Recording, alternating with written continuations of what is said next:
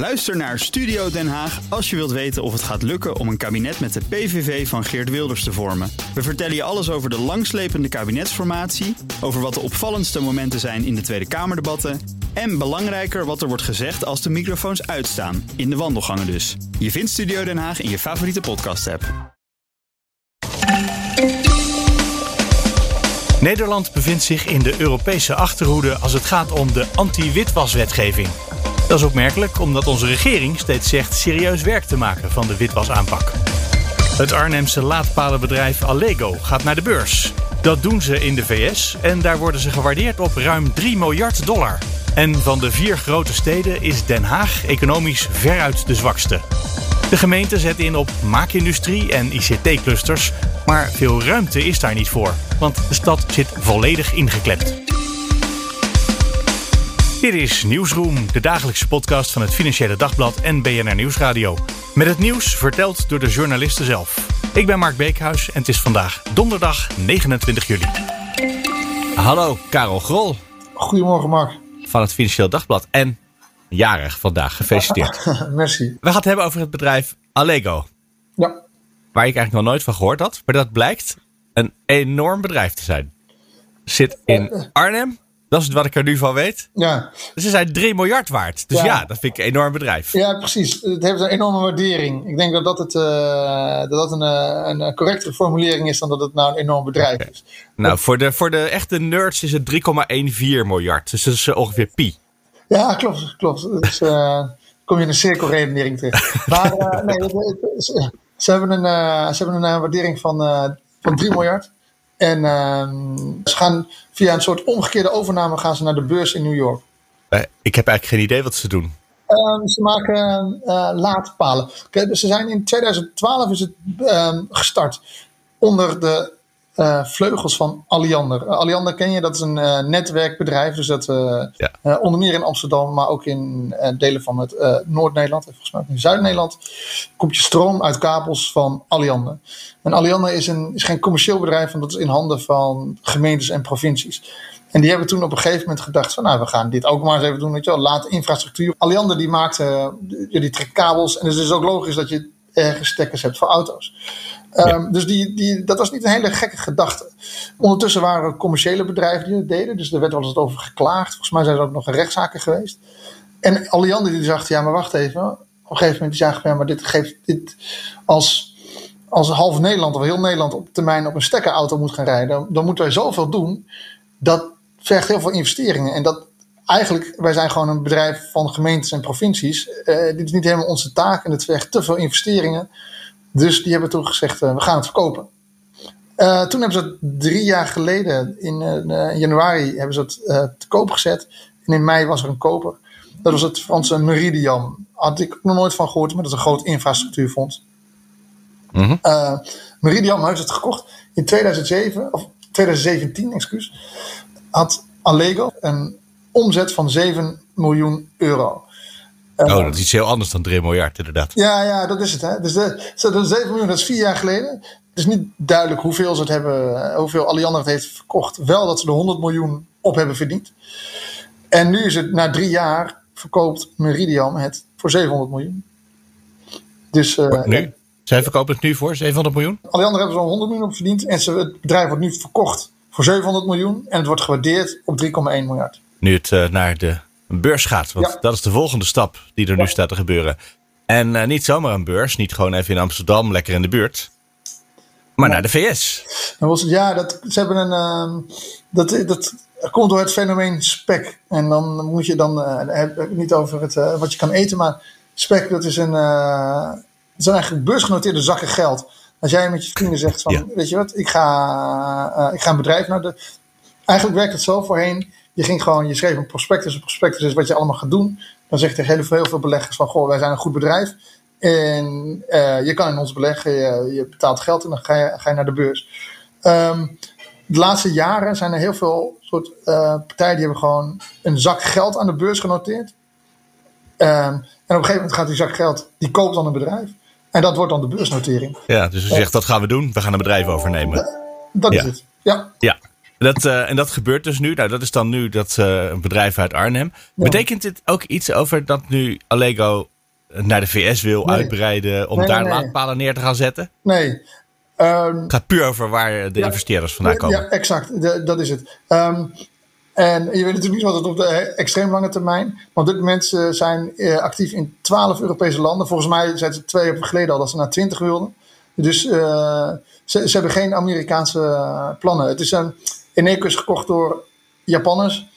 maar het is ook niet zo dat Eneco naar Japan gaat. Dus het is gewoon, en dit zijn Amerikaanse investeerders die zagen kennelijk een goede business case in Allego. en die hebben het gekocht. Maar het is niet zo dat zij binnenkort in New York ook, of Wisconsin ook stukken auto's gaan promoten.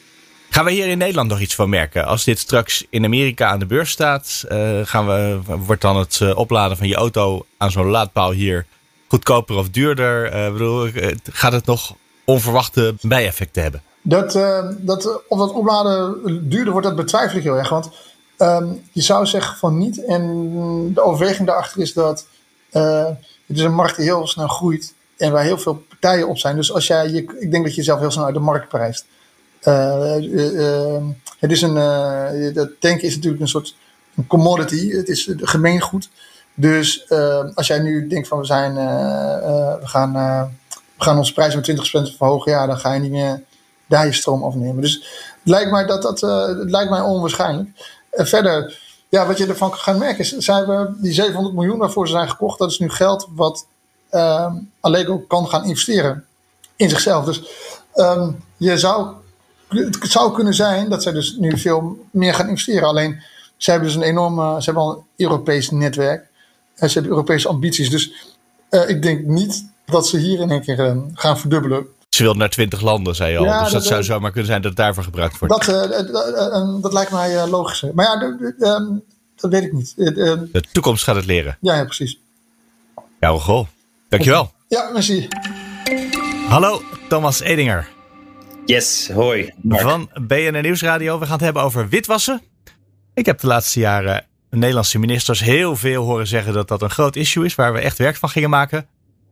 Behalve nu dat Europa Nederland op de vingers tikt en zegt: Doe er eens wat aan. Ga er eens mee aan de slag. Dit begint eigenlijk met inderdaad dat, dat het klopt dat we zeggen van nou, we willen echt wat aan witwassen doen. En dat is natuurlijk in Europa is dat ook een groot onderwerp. En minister Hoekstra heeft ook gezegd van nou, we moeten ook echt de focus leggen op, uh, op Europa. Want witwassen, dat, gaat, dat is grensoverschrijdend. Dus dan is het ook handig dat we dat, um, dat we het met z'n allen oppakken. Nou ja, goed, daar wordt dan in Europa wordt daar bepaalde wetgeving voor gecreëerd. Dat noemen ze uh, anti-witwasrichtlijnen. Niet een hele mooie term, maar goed. Ja. Uh, je weet meteen wat ze ermee bedoelen. Ja, want de richtlijn is een, iets wat in Europa bedacht wordt waar we in Nederland een wet voor moeten maken, nog zelf, hè? Ja, ja inderdaad. Van, er komt uiteindelijk is het Europese uh, regelgeving en die moet worden geïmplementeerd in de nationale wetgeving, zodat je kan, voor kan zorgen dat op het moment dat je het internationaal wil aanpakken, dat daar ook de, de goede, dat dat ook kan via de juiste regelgeving. Um, dus een vrij essentieel aspect om ervoor te zorgen dat je het internationaal aanpakt. Nou ja, goed. Dat stapelt zich snel op. Je hebt een eerste anti-witwasrichtlijn, een tweede, een derde, een vierde, een vijfde. En dat gaat dus best wel snel. Maar op een gegeven moment is het bij de vijfde um, anti-witwasrichtlijn is het fout gelopen. Of in ieder geval Nederland had niet op de juiste manier alle Europese regelgeving geïmplementeerd. Dat is in februari 2020 heeft de Europese Commissie daar een inbreukprocedure voor gestart. Ja, anderhalf jaar geleden al gezegd, Nederland is niet goed. Is niet goed. Ja, het, op, uh, het opgeven vingertje. Ja, inderdaad. Nou goed, op zich, kijk, die inbreukprocedures, dat zijn wel um, procedures die worden heel veel gestart. Dat, dat zijn echt duizenden. Dus dat, dat, dat zegt niet heel veel. Dat gebeurt gewoon uh, af en toe. Precies, ja. En dat heeft natuurlijk ook tijd nodig, dit soort, uh, dit soort zaken. Maar goed, in februari um, 2020 werd het gezegd. En toen was ook de reactie van het ministerie. Nou ja, wij willen graag uh, voorop lopen wanneer het aankomt op witwasbestrijding. Ja. Dus wij gaan hier zo snel mogelijk mee aan de slag. En dat duurde en dat duurde en dat duurde maar tot ja, tot eigenlijk juni, uh, afgelopen juni, dat de Europese Commissie zei: van, jongens, het is, nog, uh, het is nog steeds niet goed. We willen een, een, aan de slag. We geven hier nog een waarschuwing. En uh, jullie hebben nu twee maanden de tijd om dat te implementeren. En anders dan, dan gaan we naar het, dan, ja, dan gaan we naar het Hof toe, naar het Europese Hof. En dan gaan we daar een aardig maken. Nou goed, dat was voor, voor ons, voor mij, dat, in ieder geval, dat, toch even een punt dat ik dacht van nou eens even bellen naar het ministerie of dat, hoe het daarmee staat. Um, en daar kreeg ik een, een, een antwoord van wat, wat uh, ja, vrij lang was en doorspekt was met ambtelijk jargon. Dus dat, dat mhm. was ook wel even, een, uh, even de vraag van, okay, wat, wat moet je Wat zeggen ze nou echt? Nou, het kwam erop neer van, uh, ze zijn inderdaad bezig mee geweest. En er is één punt geweest waar ze tegenaan liepen. Het artikel gaat erom om het registreren van trusts. Ja. In Nederland is er in principe um, nog niet iets waardoor je kan zeggen van er is een registratie van uh, wie uiteindelijk de belanghebbende is uh, van trust en nou, andere, van, dat, andere, van dat soort juridische constructies. Ja. Um, en dat is wel nodig. Nou goed, dat, daar uh, is dus het nodige moest worden opgezet. Dat moest naar de Kamer van Koophandel en um, om, om zo'n register op te zetten. En uiteindelijk komt het op neer van het ligt nu sinds april. Uh, jongstleden ligt het bij de Tweede Kamer. En is dus nog in afwachting van of dat uiteindelijk um, goedgekeurd gaat worden. Nou, dat, dat gaat allemaal waarschijnlijk wel goed komen, maar het beeld is niet fraai. Daar komt het gewoon op neer. Het is natuurlijk ja. geen fraai beeld op het moment dat er een hele grote mond is over het aanpakken van witwassen, over het bestrijden van georganiseerde misdaad, boetes die worden opgelegd aan Nederlandse banken. Ja, en dat je dan na anderhalf jaar nog steeds niet de regelgeving hebt geïmplementeerd die er al had moeten liggen inmiddels. Ja, ja dat, dat, dat, dat is gewoon een lullig beeld. Ik hoorde op de radio vanmorgen Paul Tang van de PvdA, Europarlementariër, ook zeggen: Dit past heel erg in het beeld van hoe Nederland het altijd doet. Prachtige mooie woorden, maar in de praktijk niet zoveel daden. Ja, ja, Paul Tang die zei tegen mij: um, Het is een beetje als Feyenoord in de Conference League. Ja, de Conference League is een nieuwe league. Uh, hij zei: Ja, het is net niet. Nou, dat voelt ook wel treffend. Van, ja, oké, dat, dat, is, dat is mooi gevonden. Maar uh, nee, klopt. Dat, en kijk, dit is natuurlijk een bekend verhaal in dat opzicht. Dat Nederland um, daar eigenlijk. Dat, dat het niet helemaal lekker loopt. Dat je de ene kant hebt van we willen heel graag dat witwassen bestrijden. De andere kant, en daar loopt het fout. Je wil natuurlijk ook graag een, aantrekkelijk klimaat hebben. Om, ja, je hebt een grote financiële sector. Um, je wil ervoor zorgen dat, dat, veel mensen uh, diensten uh, bij, uh, in je land afnemen. En bij het gesprek dat ik had met diverse ehm, deskundigen hierover, kwam dat eigenlijk elk, telkens weer terug. Van, kijk, je kan witwassen weer aanpakken, maar je hebt wel het probleem dat je dan ook een gegeven moment op een keuze komt te staan. Van, je hebt, enerzijds heb je het echt het aanpakken van witwassen en anderzijds heb je dat ja, dat, dat, dat fijne vestigingsklimaat. Ja, al die mogelijkheden, er zijn natuurlijk bedrijven die die graag gebruiken. Ja, en dat is uh, eigenlijk wat je continu terug hoort. En zo moet je natuurlijk ook zien dat die trust, um, die belanghebbenden van die trust, dat is natuurlijk ook iets wat uiteindelijk erop neerkomt van dit is al heel lang bekend dat Nederland dat niet heeft. Dat, dat, waarom duurt dat zo lang? Omdat het natuurlijk ook een onderdeel is van dat fijne klimaat waar je hier gewoon ja, je firmaatje kan, uh, kan registreren. Ja, je kan hier in principe anoniem zijn nog, als je wil. Er kan een, je kan een paar stichtingen tussen jou en je geld inzetten en dan weet nooit iemand dat het jouw geld is. Ja, vrijheid, blijheid. Ja, jij gebruikt steeds het woord het vrije economische klimaat, wat een hele mooie omschrijving is. Ik denk dat veel mensen daar ook meteen het woord belastingparadijs in horen. Wat, uh, Dit was wel Halla. Ja, het Nederlandse parlement heeft natuurlijk besloten dat we dat niet zijn. Uh, maar de rest van de wereld denkt daar soms anders over. En vanuit die cultuur is het misschien ook heel moeilijk om dit soort regels goed in te voeren. Omdat je eigenlijk, zonder dat je wilt toegeven dat je een belastingparadijs was, toch daar eigenschappen van hebt gehad al die tijd. Ja, dat, dat risico is er natuurlijk. Maar kijk, daar zit natuurlijk wel ook. Um, kijk, dus er worden stappen gemaakt. Feit blijft. Ja, het, het duurt allemaal wel tenenkrommend lang. En daardoor creëer je een heel pijnlijk beeld. Wat ja, wat niet echt strookt met, met, met, met, die keiharde aanpak van de georganiseerde misdaad. En het, en, en, en, en, en het, het verzorgen dat je geen witwaspraktijk meer tolereert. Ja. Dat, ja, dat is een beetje een holle frase, een, een, een dode letter. Ja, je hebt er genoeg mooie woorden voor om dit om te schrijven. Tom Edinger, dankjewel. Ja. Hallo, Martijn Pols van het Financieel Dagblad. Goedemorgen, Mark. We gaan het hebben over Den Haag waar jij woont, waar ik lang gewoond heb. Af en toe daar terugverlang eigenlijk ook stiekem wel. Maar dus de, de stad heeft wel uh, problemen. waarvan ik me eigenlijk toen ik wegging niet bewust was. Ja, uh, en ik moet eerlijk zeggen, ik ben geen Hagenees van geboorte, maar ik woon er al uh, bijna 14 jaar. Uh, problemen waar ik mezelf ook niet van bewust was. maar goed, in tijden dat je veel moet thuiswerken en in tijden dat collega's plannen hebben om regionale economieën eens onder de loep te nemen, loop je toch tegen dat soort opmerkelijke feiten aan. En Den Haag is echt een achterblijver waar het gaat om nou ja, BBP per hoofd van de, per hoofd, van de inwoners. En uh, ook wel uh, fors ten opzichte van bijvoorbeeld Amsterdam, maar ook uh, ten opzichte van Utrecht. En dat verbaasde mij ook. Dus dat was reden voor ons om er eens in te duiken. Om te kijken van wat gebeurt er eigenlijk bij die, in die mooie stad achter de duinen. Precies. Nou, wat gebeurt daar? er worden heel veel huizen gebouwd. Of er zijn in elk geval plannen voor. Ja. maar ja, dat is natuurlijk geen BBP, geen bruto binnenlands product. Nee. Dat is, dat is een huurkosten of koopcontracten. Ja, Dus het gaat waarschijnlijk om de werkgelegenheid in de stad. De, de industrie, eh, de, ja, ambtenaren, die zullen daar goed aan de slag kunnen. Zeker, zeker. En uh, zo staat Den Haag natuurlijk ook bekend. Hè? Het is uh, uh, de stad van ambtenaren, omdat er vrijwel alle ministeries zijn gevestigd. Maar ook behoorlijk nog wel wat internationale organisaties, aanverwante overheidsdiensten. Uh, dus daar is het qua werkgelegenheid geen probleem. Dus de publieke sector is vrij fors, misschien wel erg fors. Maar als je de stad binnenrijdt over de A12, dan rij je toch ook onder Egon door en langs Nationale Nederlanden en PostNL zit er. En zit Shell ook niet nog steeds daar? Shell zit er ook nog steeds wel. En dat niet uh, hele grote bedrijven?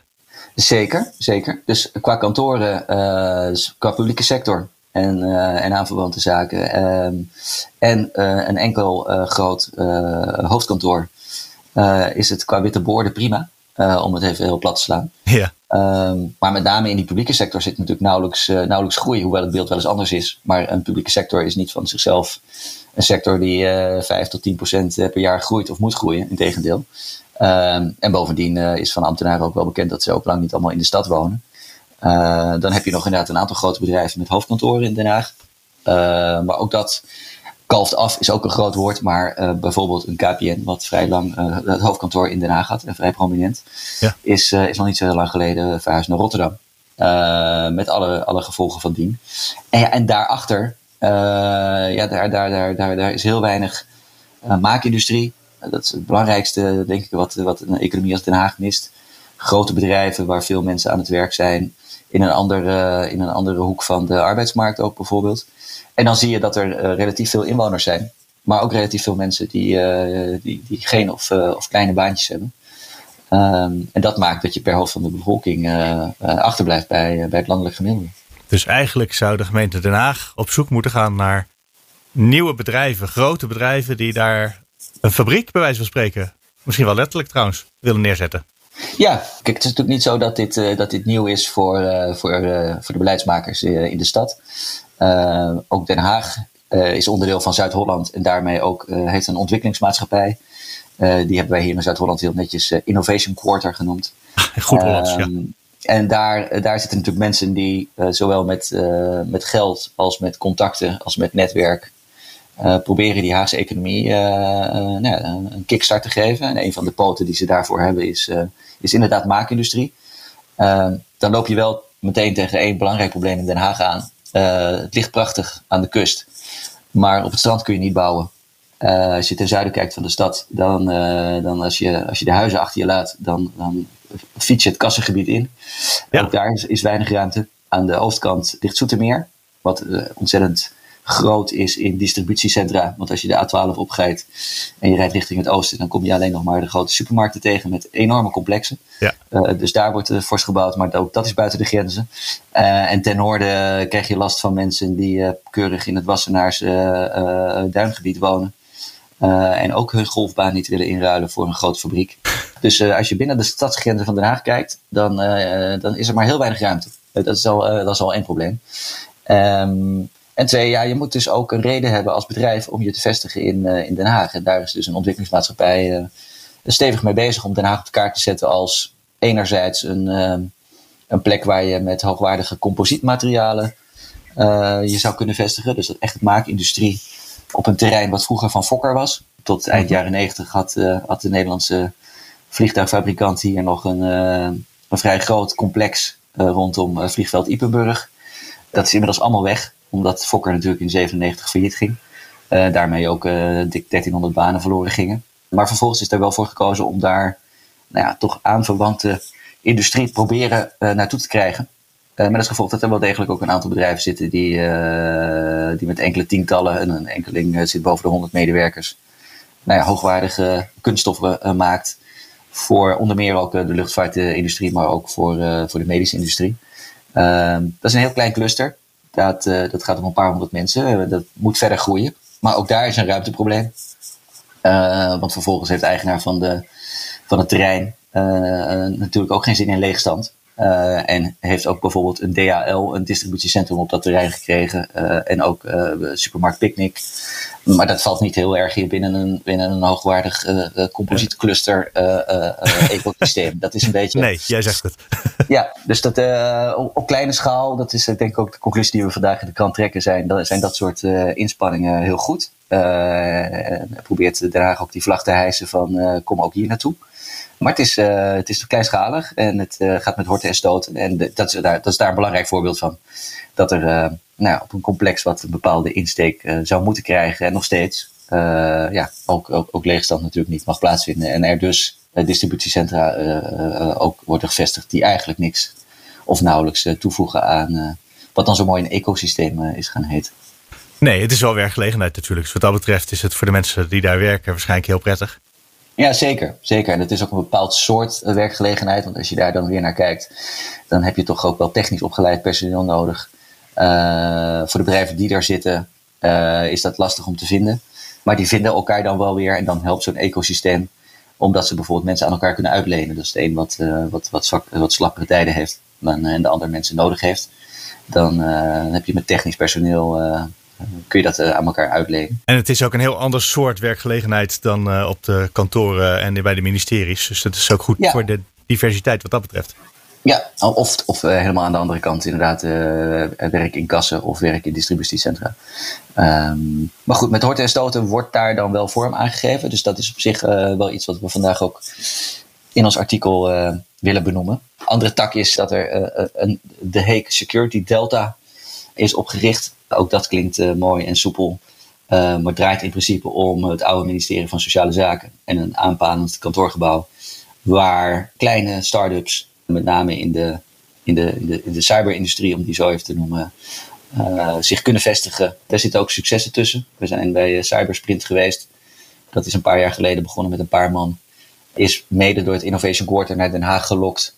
Zijn groot op het gebied van cybersecurity. Zij kunnen bedrijven uh, heel goed en scherp testen op de zwakke plekken in computersystemen. Dus Den Haag zit ook heel erg in op, op, op, op internetveiligheid. Mede, mede door het aantrekken ook van, van partijen als Europol en andere internationale organisaties op dat gebied die in de stad van vrede en recht zich inmiddels ook hebben gevestigd. Want dat is nogal typisch Den Haag. Het is inderdaad een ambtenarenstad. Het is ook een plek waar nog steeds wel veel internationale organisaties naartoe trekken als ze ergens een plek zoeken. Maar goed, onder de streep uh, blijft het feit dat er, uh, dat er een hoop uh, actie en een hoop stuwkracht nodig is om die, om die economie aan de praat te krijgen en te houden. Je vertelde net al dat KPN is verhuisd vanuit Den Haag naar Rotterdam. Ik kan me ook nog herinneren dat toen ze in Den Haag, ze hebben daar aan het Maanplein een heleboel kantoren neer laten zetten. Ik weet niet of ze daar nog steeds in zitten. Uh, maar dat er ruzie was met de stad altijd over of ze dat niet Telecomplein mochten noemen. Want het KPN wilde graag op Telecomplein nummer 1 gevestigd zijn. Ja, en de, de, gemeente uh, gunde ze het niet. Daar kwam het eigenlijk op neer. Ja, het schijnt een apocryf verhaal te zijn dat dat de reden ook is geweest waardoor ze dus naar Rotterdam zijn, uh, zijn verhuisd. Maar het zegt wel iets over de verhoudingen tussen het bedrijf en de stad, denk ik. Zelfs als het uiteindelijk niet de overweging was. Ja, ja, het is uh, zoals uh, Rinke Zonneveld van het Innovation Quarter uh, bij ons ook in de krant vertelde, was het vertrek van KPN ook wel een soort wake-up call. De bedrijven waren er wel, maar voelden zich niet echt welkom. Nou, het vertrek van een hoofdkantoor is wat dat betreft altijd een, een teken aan de wand. In dit geval was het ook nog eens een hele grote telecom operator op een, op een industrieterrein midden in de stad, de Binkhorst, waar ook nog wel meer kantoren hadden kunnen gebouwd worden waar er door een soort telecomcluster uh, mogelijk achter uh, en tegen KPN aan uh, had kunnen mhm. ontstaan. Nou ja, dat valt dan weg op het moment dat zo'n bedrijf weggaat. Dus ook daar wordt nu naarstig op dat terrein gekeken naar wat je daarmee moet. Maar daar komen nu vooral woningen. Dus dat is dan ook weer een tweede opgave die Den Haag met al zijn ruimtegebrek al heeft.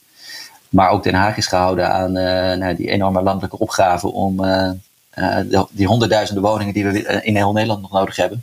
Ja, dan moeten er enkele tienduizenden ook van in Den Haag komen. Het is overduidelijk een enorme puzzel die gelegd moet worden om, om bedrijven aan te trekken en te houden in verschillende sectoren en met name in de, in de, in de private sector en met name ook, ja, toch ook de meer technische maakindustrie. Als je dan uitzoomt, en dat, dat maakt het beeld misschien wat, wat zachter. Als je wat uitzoomt, dan is in deze regio hier in Den Haag, zijn de afstanden natuurlijk zo klein dat je ja. op een steenworp afstand van Rotterdam zit, op een steenworp afstand van het Westland, op een steenworp afstand van Zoetermeer en op een steenworp afstand van Leiden. Leiden heeft bijvoorbeeld een enorm groot medisch, medisch cluster met een universitair centrum en alle R&D van grote pillenfabrieken.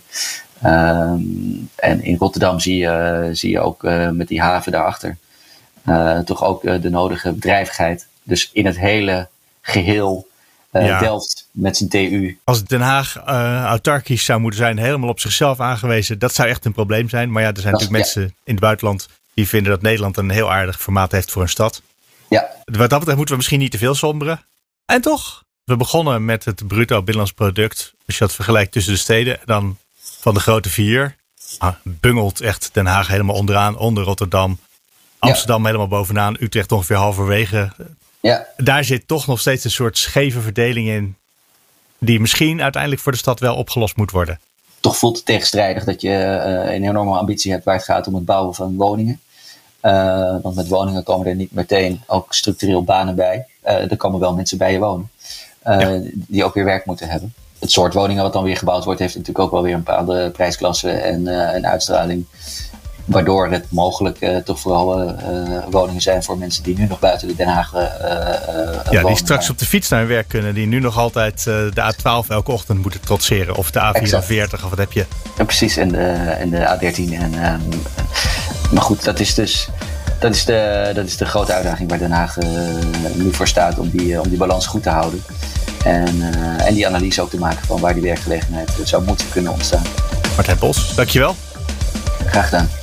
Dat was hem voor vandaag. Je weet, je kan reageren. Mail naar nieuwsroom.bnr.nl of nieuwsroom.fd.nl. En de show notes, met daarop de links naar de artikelen bij het FD en de gesprekken die we bij BNR gehad hebben, die vind je op bnr.nl slash nieuwsroom. Morgen zijn we er weer, dan met Nieuwsroom Den Haag. Graag tot dan.